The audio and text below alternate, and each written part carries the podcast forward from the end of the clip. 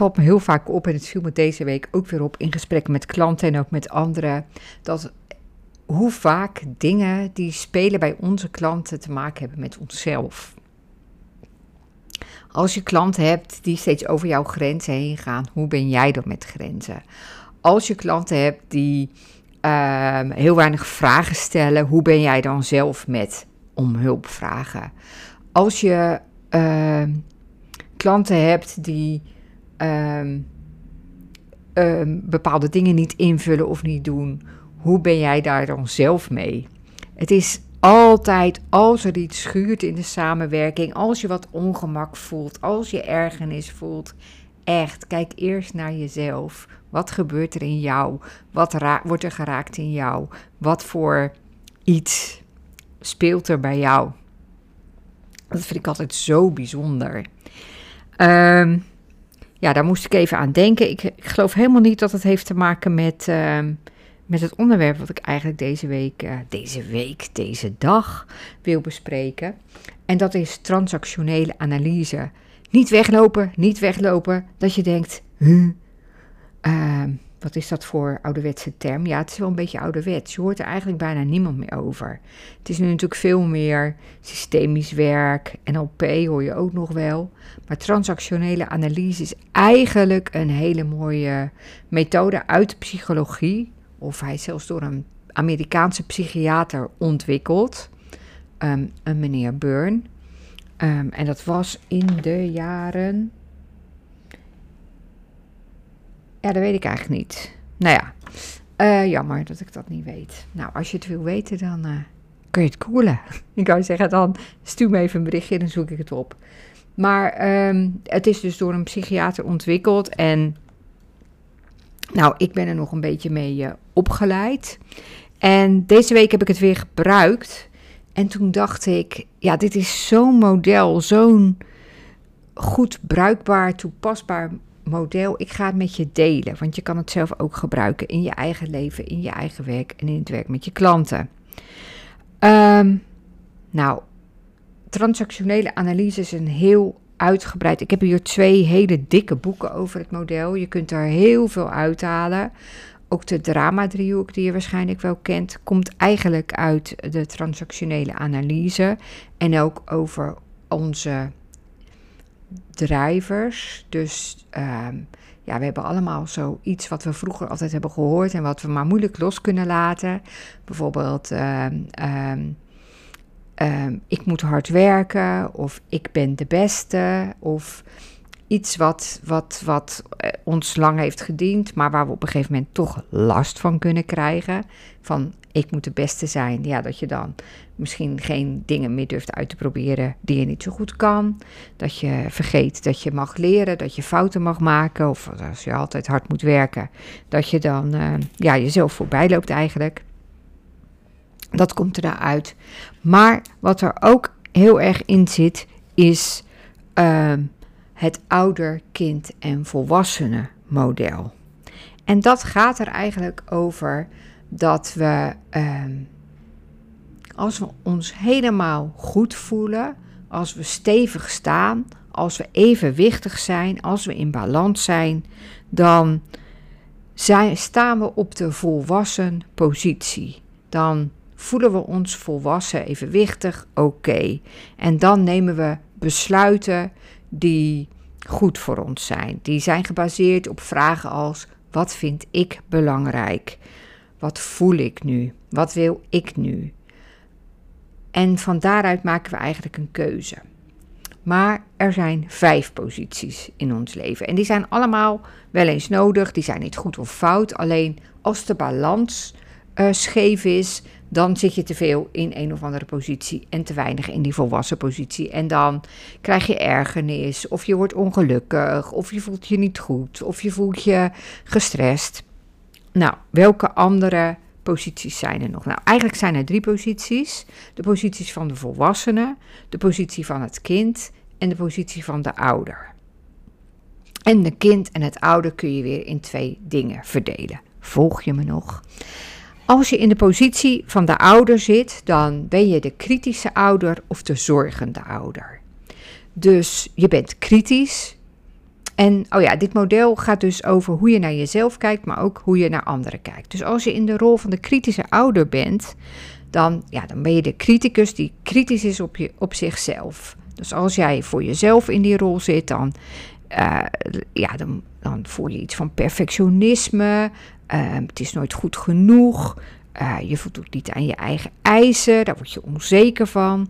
En als je heel kritisch bent naar anderen, dan verwacht je, stel je hoge eisen aan anderen, uh, is het nooit goed genoeg, bladibladibla.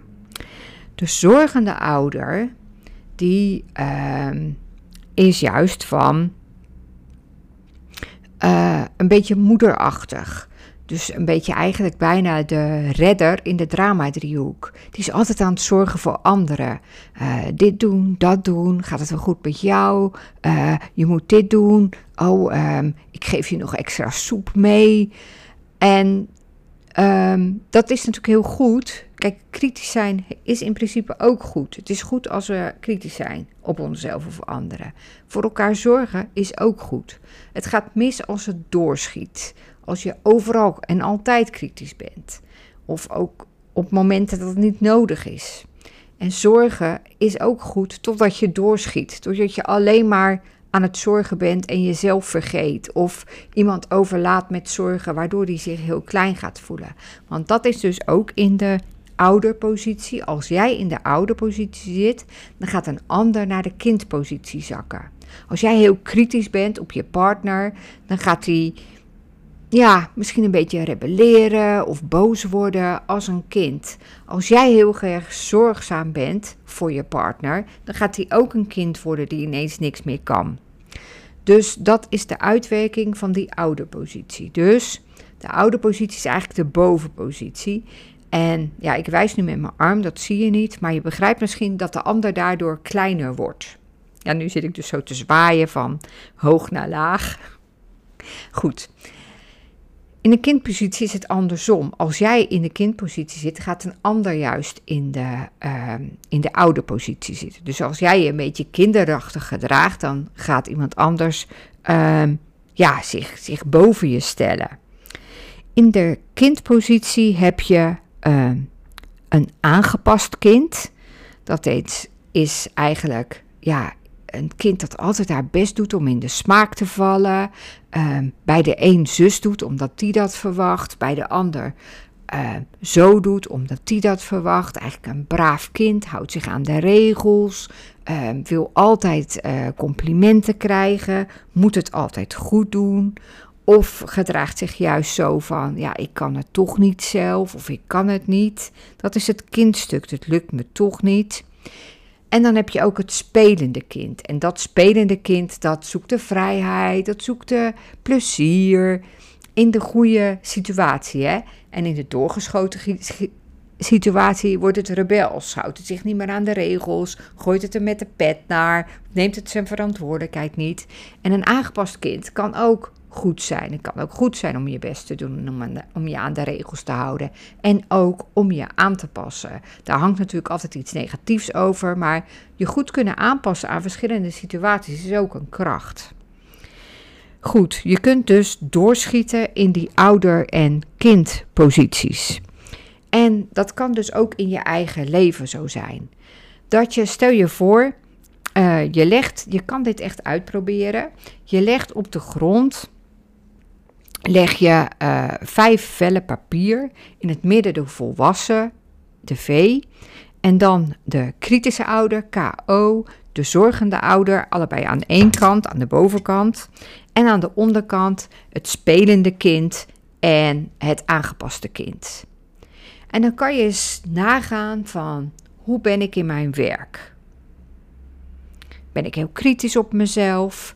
Uh, ben ik heel erg zorgzaam voor mezelf? Ben ik heel volwassen en evenwichtig? Kijk ik naar mijn eigen behoeften? Kijk ik wat ik nodig heb? Kijk ik wat ik wil? Kijk ik wat ik belangrijk vind? Of um, ben ik uh, heel erg mijn best altijd aan het doen om het altijd maar zo goed mogelijk te doen? En uh, doe ik wat iedereen van me verwacht? Of neem ik zelf ook de vrijheid om te spelen, om lol te hebben, om joy te ervaren, om dingen uit te proberen? Hoe ben je naar klanten? Ben je naar klanten uh, heel kritisch? Ben je naar Of ben je heel zorgzaam? Kan je niet hard genoeg lopen voor je gevoel? Of pas je je aan? Durf je niet zo goed te denken wat je denkt? Of ben je ook daarin heel vrij? Of neem je de volwassen positie in? Dat kan natuurlijk ook, hè, dat je daarin heel evenwichtig bent. Hoe ben je naar je partner? Hoe ben je in een groep? Hoe ben je in familie? Hoe ben je als leidinggevende? Misschien ben jij leidinggevende. Ben je dan vaak de kritische ouder, de zorgende ouder, het aangepaste kind of het vrije, spelende kind of de volwassen iemand? Als je een conflict hebt met iemand, met je partner, met een klant, met een collega, met je moeder, met je vader, met je kind, welke positie ben jij dan van nature gewend om in te nemen? En zie je dan wat het effect kan zijn op uh, de ander? En lukt het je om vanuit de volwassen positie te kijken? Um, ja, dit is dus eigenlijk een model, wat ik al zei, je kan het op van alles toepassen. Je kan het bij jezelf nagaan in welke positie uh, overheerst bij mij in alles. Is dat de kritische ouder? Is dat de zorgende ouder? Is dat de volwassene? Is dat het aangepaste kind? Of is het het speelse kind? Is het het rebelse kind? Is het het, het, het ja, wie is het? En hoe voel je je daarbij? Wat vind je daarvan? En hoe zou het zijn om eens een andere positie in te nemen? Bijvoorbeeld de positie van het spelende kind. Dat is heel vaak het ondergeschoven kindje. Ha, ha, ha. We zijn niet meer zo gewend om te spelen. Heel gek, we worden geboren als baby en dan worden we kind en dan doen we eigenlijk niks anders dan spelen. We doen waar we zin in hebben. En nou ja, als je een spelend kind ziet, dan, dan zie je dat een kind helemaal op kan gaan in dat spel. Die is dan helemaal in het nu. Die maakt zich geen zorgen. Die is niet overkritisch. Die kijkt niet of het allemaal wel oké is. In, in de zin van voldoe ik wel aan de verwachtingen van anderen. Een kind is dan ook helemaal in de flow. En je ziet dat een kind dan gelukkig is. En misschien ervaar je dat zelf ook wel eens bij iets wat je doet. Een sport of een hobby of een onderdeel van je werk. Dat je echt voelt, ja, hier kan ik spelen. En over het algemeen denk ik dat we dat te weinig doen. Dat de meeste mensen veel meer in de kritische ouderpositie zitten. Veel meer in de zorgende ouder. Veel meer in het aangepaste kind. Hopelijk ook genoeg in de volwassen positie. Maar ehm, ja, dat spelende kind, dat, dat, dat mag volgens mij bij ons allemaal ehm, meer ruimte krijgen. En ook in je werk. Want ja, ik weet niet, maar wat jij doet, misschien ben je ook uh, coachende ondernemer of ondernemende coach, of, of je hebt een hele leuke baan. Ehm, en in hoeverre kan je daarin nog spelen, avontuurlijk zijn, nieuwe dingen uitproberen, iets doen wat je echt leuk vindt.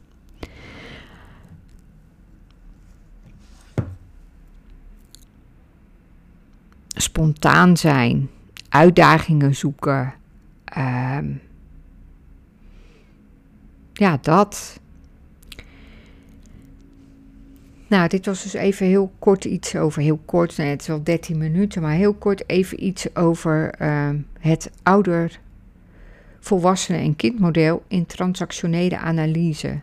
En je moet maar eens op gaan letten in hoeveel situaties je dit model kan plakken op je leven en op wat er gebeurt. Of als je bijvoorbeeld anderen ziet discussiëren of een beetje ruzie ziet maken, ziet maken. Of als je een klant helpt, um, coacht. Kijk dan eens als iemand iets zegt, in welke positie zit hij? Is hij volwassen? Neemt hij zijn eigen verantwoordelijkheid? Kiest hij voor wat hij zelf belangrijk is? Of is het bijvoorbeeld iemand die jou aan het pleasen is? Of is hij heel kritisch op zichzelf? Of um, wil hij jou vooral niet in voor de voeten uh, lopen?